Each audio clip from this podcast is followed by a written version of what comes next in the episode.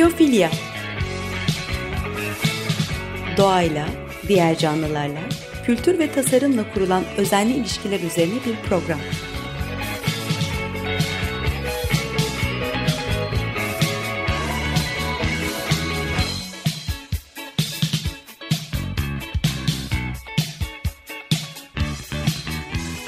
Hazırlayan ve sunan Nurhan Healer.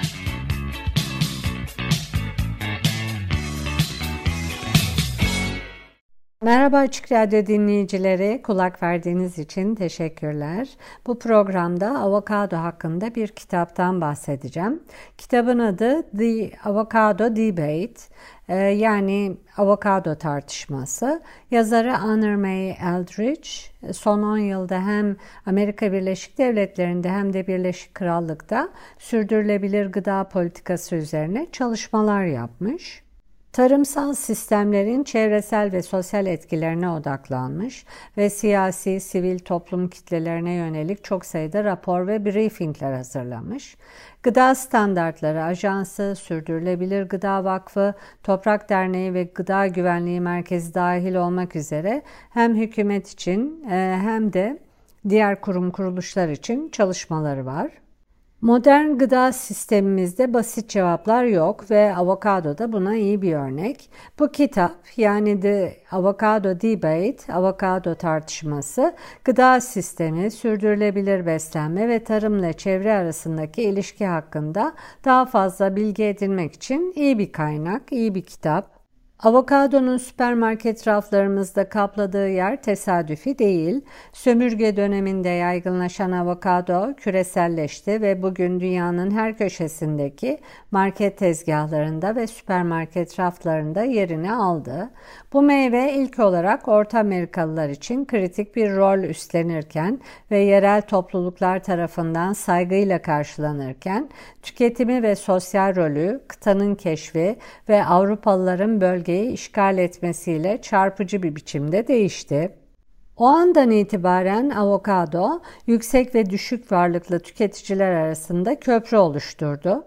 Köleleştirilmiş insanların temel gıdası haline geldi ama aynı zamanda aristokrasinin de sofralarını şereflendirdi.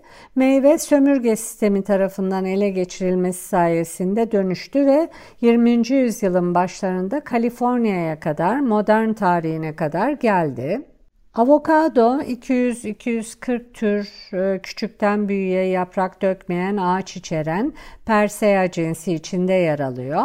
Persea esas olarak tropik ve sıcak ılıman bölgelerle sınırlı. Ancak Japonya ve Güney Kore'yi de kapsayacak şekilde kuzeye kadar da uzanabiliyor. Avokado sıcak seviyor ama genellikle soğuğa karşı kötü tepki verdiği için e, huysuz bir ağaç olarak biliniyor. 15-30 derece iklimler avokado için ideal. Orta derece sıcaklıkta nem ile ancak yerleştikten sonra minimum hasarla eksi 2 dereceye kadar dayanabiliyor. Orta ve Güney Meksika'da bulunan iklimi seviyor. Çoğu bitki gibi avokado ağaçlarının da genetiğini yaymak ve yeni alanlara taşınabilmek için tohumlarının doğal yollarla dağılmasına ihtiyacı var. Ama açıkçası hiçbir kuş ya da küçük memeli farkına varmadan bu taş kadar çekirdeği sindirip bağırsak sisteminden geçiremez. İçinde kocaman bir çekirdeği tohumu var. Hatta çekirdeği kazara yutan muhtemelen ölebilir. Çekirdeği dağıtma yöntemi büyük memeliler çağı megafaunasından geliyor. Bu dönemde 45 kilonun üzerindeki megafauna yani büyük hayvanlar karada dolaşıyorlardı. Bu hayvanlar avokadoyu tek bir lokmada tüketip ardından çekirdeği dışarı atmadan önce kilometrelerce dolaşıyorlardı. Ancak bu büyük memeliler yaklaşık 13 bin yıl önce Batı Yarımküre'de gezegenin günümüze kadar süren Holosen dönemine geçmesiyle birlikte ortadan kayboldu. Buna bazen 6. yok oluş da deniyor. Bu dönemde Kuzey Amerika megafaunasının %68'ini, Güney Amerika ise %80'ini kaybetti. Tohumu uzak mesafelere taşıyacak tembel hayvanı gibi daha büyük memeliler olmasaydı, avokado meyvesi doğrudan ana ağacın altına düşecek ve dolayısıyla ışık ve büyüme için ana ağaçla rekabet etmek zorunda kalacaktı. Avokado onu yutan hayvanlar veya hareket ettiren su sayesinde genetiğini yaymaya devam ettirmeyi başardı. Markette çöp kutusunda duran bir avokado bu nedenle zaman tünelindeki biyoloji gibi Sömürge bağlamında avokadoya gelecek olursak İspanyollar geldiğinde her şey değişti tabi. Sömürgecilik Azteklerin ve Mayaların kültürünü ve ekonomisini kalıcı olarak değiştirdi. Avokado bu sarsıcı kültürel değişimden payını aldı ve giderek daha fazla sömürge ekonomisine dahil edildi.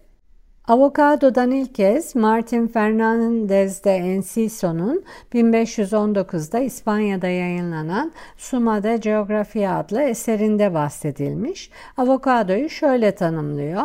Yaharo iyi topraklara sahip iyi bir liman ve burada pek çok farklı yenilebilir meyve çeşidinin bulunduğu korular var. Diğerlerinin arasında portakala benzeyen bir tane var ve yenmeye hazır olduğunda sarımsı bir renk alıyor. İçerdiği şey içeriği tereyağı gibi ve harika bir tada sahip, damağa güzel ve hoş geliyor. Avokadonun daha kapsamlı bir açıklaması tarihçi Gonzalo Fernandez de Oviedo tarafından yazılmış. Yazılarında Avrupalılara avokadonun yanı sıra hamak, ananas ve tütünü de tanıtmış. De Oviedo avokadoyu şöyle anlatıyor. Defne yapraklarına benzeyen geniş yapraklı ancak daha büyük ve daha yeşil olan büyük ağaçlar var. Bazıları daha hafif olmasına rağmen yarım kilo ve hatta daha fazla armut gibi meyveler taşıyor. Rengi ve şekli armutla aynı. Kabuğu biraz daha kalın ama daha yumuşak ve meyvenin ortasında soyulmuş kestane gibi bir tohumu var.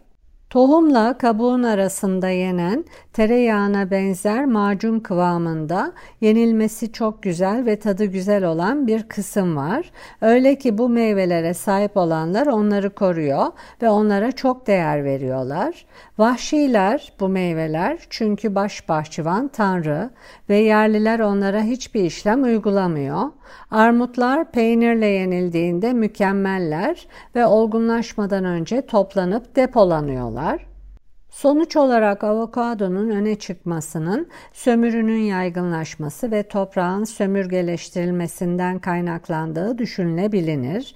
Ee, İspanyollar Orta Amerika'yı fethettikleri sırada avokadoyu keşfeden ilk Avrupalılar olsalar da yalnız değillerdi. İngilizler de onları sıkı bir şekilde takip ettiler. Avrupalıların motivasyonu keşiften sömürgeleştirmeye doğru gittikçe avokado yeni bir rol üstlendi. Avokado Karayipler'deki şeker tarlalarında çalışan köleleştirilmiş insanlar için yiyecek olarak sıklıkla kullanılıyordu. Çünkü İspanyollar meyvenin yağla dolu ve son derece besleyici olduğunu, büyümek için de fazla alana ihtiyaç duymadığını kısa sürede öğrenmişlerdi. Enerji açısından zengin ve yetiştirilmesi kolay bir gıda, kolonilerdeki nüfusu beslemek için ucuz, et dışı gıdalar arayan sömürgeci derebeyleri için çekiciydi. Avokado ağaçları yüksek karlı şeker kamışı mahsulüyle rekabet etmeden, onların alanına müdahale etmeden şeker kamışı tarlalarında çalışan köleleştirilmiş insanları beslemek için şeker tarlalarının kenarlarında yetiştirilebiliyordu. Bu nedenle meyve, Karayipler, Orta ve Güney Amerika'daki köleleştirilmiş insanların beslenmesinin odağı haline geldi ve sömürgeci plantasyon modeli Endonezya ve Filipinler gibi yerlere yayıldıkça köle sahipleri onları işçileri beslemek için yanlarında taşımaya başladı. Sonuç olarak meyvenin dünya geneline yayılması sömürgeci yayılmayı yansıtıyor. Meyve 1601'de İspanya'ya, 1750'de Endonezya'ya, 1780'de Mauritius'a, 1809'da e, Brezilya'ya ve geç de olsa 1825'te Amerika Birleşik Devletleri'ne ulaştı. Köleleştirilmiş insanların bunu nasıl yetiştirip yediğine dair az belge var. Çünkü çoğu kaynak beyaz Avrupalı yazarlara ve onların ön yargılı bakış açılarına ait. Pek çok beyaz Amerikalı ve Avrupalının avokado ile ilk tanışması kölelik ve şeker kamışı bağlamında oldu. Amerika Birleşik Devletleri'nin başkanı George Washington meyve ile ilk kez 1751'de Barbados'un şeker tarlalarını ziyaret ettiğinde karşılaşmış. Guava ve çark felek meyvesinin yanı sıra bir avokado da denemiş ve günlüğüne bu meyvenin genelde beğenildiğini ancak hiçbirinin damak tadını elma kadar kadar tatmin etmediğini yazmış. Evet şimdi bir müzik arası verelim. Sonra avokado tartışmasına devam edelim. Yaza Cestella'dan uh, Anywhere on This Road'u dinleyelim. Tekrar merhaba Açık Radyo dinleyicileri. Biyofilya programındayız. Ben Nurhan Keeler. Müzik arası vermiştik. Yaza Cestella'dan uh, Anywhere on This Road'u dinledik. Bir kitap vesilesiyle avokadodan bahsediyordum. Kitabın adı The Avocado Debate, Avokado Tartışması. Yazarı Honor May Eldridge. Avokado tartışması meyvenin tarihinin yanı sıra avokadonun bugün karşı karşıya olduğu zorlukları da ele alarak meyvenin üretiminin karmaşıklığını aktarıyor. Avokado sadece köleleştirilmiş insanların yemeği olmakla sınırlı değildi. İspanyollar sevdikleri zeytinin ekşi tadını özledikleri için olgunlaşmamış sert avokadoları dilimlediler ve tadı taklit etmek için salamuraya yatırdılar. Diğer sömürge şefleri de onu sirke ve biberle veya tuz ve kavrulmuş muzla servis ettiler. Giderek bölgenin en ünlü isimlerinin sofralarını süsleyen avokado, Avrupa'ya gidenlerin yanlarında götürdükleri yaygınlaşacak bir lezzet haline geldi. Orta Amerika ve Karayiplere olan yakınlığına rağmen meyvenin Amerika Birleşik Devletleri'ne ulaşması uzun sürdü. Florida'daki ilk girişimlerde ağaçlar tutmadı. Avokado yeterince popüler olamadı ve meyvenin ABD'de yaygınlaşması uzun zaman aldı. Avokadonun Küba'dan getirilen fidanlarla Florida'ya yayılması ancak 1900'lü yıllarda gerçekleşti ve kısmen başarılı oldu. Florida'daki meyve bahçeleri ABD meyve pazarının gelişmesinde rol oynadı. Ancak Kaliforniya avokadonun geleceğinde daha büyük bir rol kaptı. 1871'de ee, Kaliforniyalı yargıç Ord, Santa Barbara'ya bir çift ağaç dikti. Bunlar avokadonun Kaliforniya'ya başarılı bir şekilde tanıtılmasını sağladı. 1920'lerde Amerika'nın meyve tüketimini artırmak için Kaliforniya Avokado Birliği tarafından başlatılan pazarlama kampanyası başarılı oldu. Meyvenin imajını yalnızca Orta Amerikalıların yediği bir şeyden, dünyanın her köşesinde özellikle de varlıklı beyaz tüketiciler tarafından tüketilen bir şeye dönüştürdüler. Bunu görüntüyü sürekli olarak bir afrodizyak olmaktan çıkarıp Güney Kaliforniya'nın rahat plaj serinliğini çağrıştıran temiz bir beslenme fenomenine dönüştürerek yaptılar. Avokadoya resmen talep patlaması yaşandı ve meyvenin dünya çapında üretiminin artmasına yol açtı. NAFTA anlaşması Meksika ekonomisinin dönüşümünü hızlandırdı. Michoacan'daki avokado yetiştiricileri gibi bazıları bu fırsatı değerlendirebildi. Onlarca yıldır tarımın sanayileşmiş bir versiyonuna özellikle avokado üretimine geçiş yapıyorlardı ve bu nedenle NAFTA'nın sunduğu fırsatlardan yararlanmak için mükemmel bir durumdaydılar. Bununla birlikte Puebla gibi diğer eyaletlerin hala geçimlik tarımın hakim olduğu çiftçi toplulukları NAFTA'nın getirdiği değişiklikler nedeniyle yok edildiler. NAFTA üretim büyüklüğünün yanı sıra Meksika gıda sistemlerinin tüketim tarafında da bir dönüşümüne yol açtı. Amerika Birleşik Devletleri markalarının ultra işlenmiş gıdaları Meksika pazarını ucuz fiyatlarla doldurmayı başardı ve kısa sürede geleneksel gıdalardan daha çok tercih edilir hale geldiler. Bu bulaşıcı olmayan hastalıklarda ve obezitede artışa yol açtı. Dünyanın kuzeyindeki varlıklı tüketicilerin avokado talebindeki patlama, dünya çapındaki çiftçilerin avokado üretimine geçmesine neden oldu. Birçok çiftçi işletmesi iklim değişikliği nedeniyle kahve gibi diğer mahsullerin üretkenliğinin düştüğü bir dönemde avokado ihraç ederek önemli kar elde edebileceklerini gördüler. Meksika meyve ihracatında tekel gibiydi ama giderek avokado daha fazla yer kapladı kaplamaya başladı. Tabi meyveyi yetiştirmek resmin sadece bir parçası. Meyvenin dünya çapında güvenli ve verimli bir şekilde taşınması, nakliyesi, küresel bir endüstrinin geliştirilmesinde önemli. Konteyner gemileri ve küresel nakliye rotaları ağ olmasaydı, taze avokadoların dünyanın kuzeyindeki tüketicilere ulaşması neredeyse imkansız olurdu. Avokadonun kendisi çevreye zarar veren bir ürün değil. Tek başına bir avokado ağacı böceklere yuva, kuşlara ve küçük memelilere besin sağlıyor. Karbonu tutup toprağın organik maddesini geliştirebiliyor. Ancak büyük monokültür plantasyonlarda ekildiğinde üretim yöntemi olumsuz çevresel etkilere neden olabiliyor. Arazi değiştikçe biyoçeşitlilik de yer değiştiriyor ve ekosistemler baskı altına alınıyor. Bu da topluluklar üzerinde zincirleme bir etki yaratıyor. Michoacan avokado üretiminin ana lokasyonu olsa da meyvenin büyük ölçekli üretimiyle uğraşan tüm bölgelerde çevresel ve ekosistem ekosistem değişiklikleri yaşanıyor. Avokado doğası gereği su istiyor. Büyük tarlalardaki ağaçları sulamak için suyu diğer alanlardan yönlendirmek gerekebiliyor. Bu da suya erişimi kısıtlanan topluluklar ve suyu yönlendirenler arasında gerilim yaratıyor. Sosyal eşitlik ve güç dinamikleriyle ilgili soruları gündeme getiriyor. Son yıllarda iklim değişikliği nedeniyle suya erişim daha büyük bir endişe kaynağı haline geldi. Avokadolar subtropikal bölgelerde daha verimli ancak buralar artan küresel sıcaklıklar nedeniyle yüksek düzeyde su stresi yaşayan, su kullanımı ve su kaynaklarının ihracata yönelik meyve üretmek için kullanılmasının adil olup olmadığı konusundaki soruları şiddetlendiren bölgeler. E, avokado endüstrisi yüksek su kullanımı sorununun farkında e, ve buna çözümler arıyor.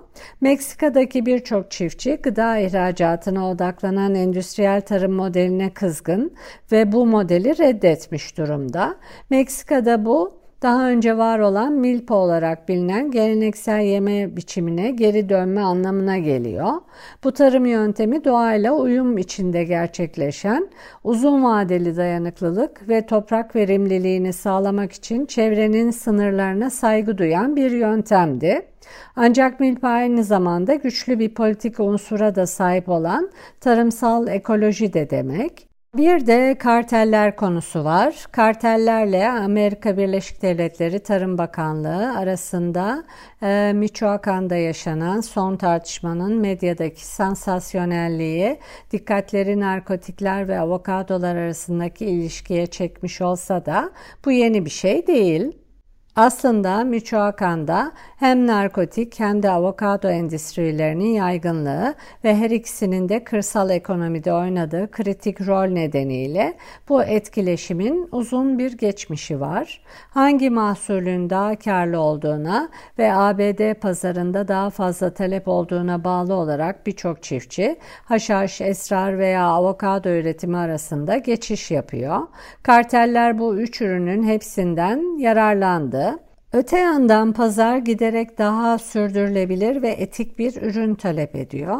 Tüketici süpermarketten aldığı avokadoların e, hem çevreye zarar vermemesini istiyor hem de e, adil ticaret talebinde bulunuyor. Üreticiye zarar e, vermediğinden emin olmak istiyorlar. Tabi sebze meyve yetiştiricileri de tüketicinin ilgisini çekebilecek alternatif çeşitler bulmaya çalışıyorlar. Ee, istenilen özelliklerin yetiştirilmesini kolaylaştırmak amacıyla teknoloji ve avokadonun genomunu haritalama yeteneğimiz buna yardımcı oluyor. Bununla birlikte bu teknoloji aynı zamanda avokadoların genetik olarak değiştirilmesini ve düzenlenmesini de mümkün kılıyor. Ee, ama bir sonraki soru toplumun bunları isteyip istemediği olacak. Sulama, gübre ve pestisitlerin ekosistem üzerindeki etkisi önemli. Hem doğaya hem de yerel topluluklara geniş kapsamlı zarar verebiliyor. Tatlı su kaynakları kurudukça yerel gelenekler ve geçim kaynakları üzerinde zincirleme etkiler oluştuğundan balıkçılar ve topluluk şifacıları artık mesleklerini icra edemiyorlar. Benzer şekilde yerli arazilerin avokado bahçelerine dönüştürülmesiyle arazi kullanımındaki değişiklik biyolojik çeşitlilik kaybına neden oluyor ve doğal sistemleri kalıcı olarak değiştiriyor. Michoacan'ın yamaçlarında avokado bahçelerinin çoğalması nedeniyle yerli çam ağaçları azaldı. E buna bağlı olarak pumalar, jaguarlar ve göz alıcı kral kelebekleri gibi temel türler ve daha az fotojenik olan böcekler yok olmaya başladılar.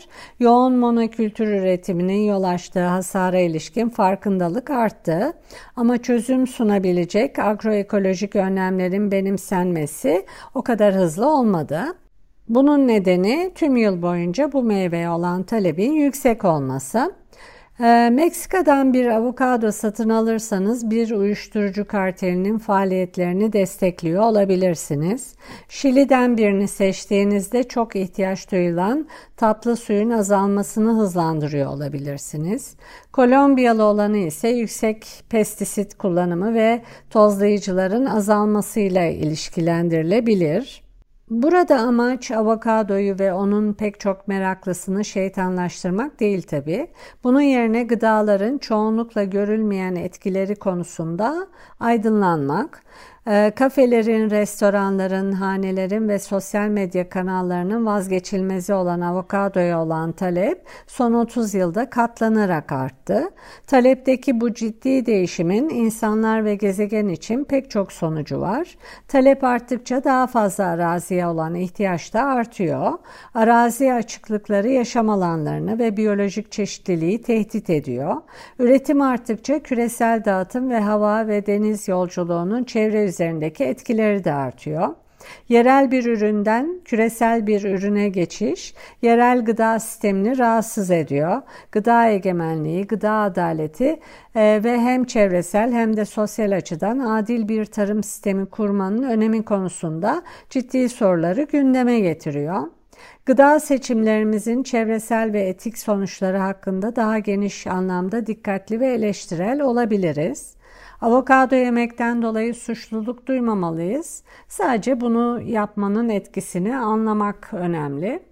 Evet bir programın daha sonuna geldik. E, Açık Radyo Prodüksiyon ekibine edit için teşekkürler. Sizlere de dinlediğiniz için sonsuz teşekkürler. Bir sonraki programda görüşmek üzere. Hoşçakalın.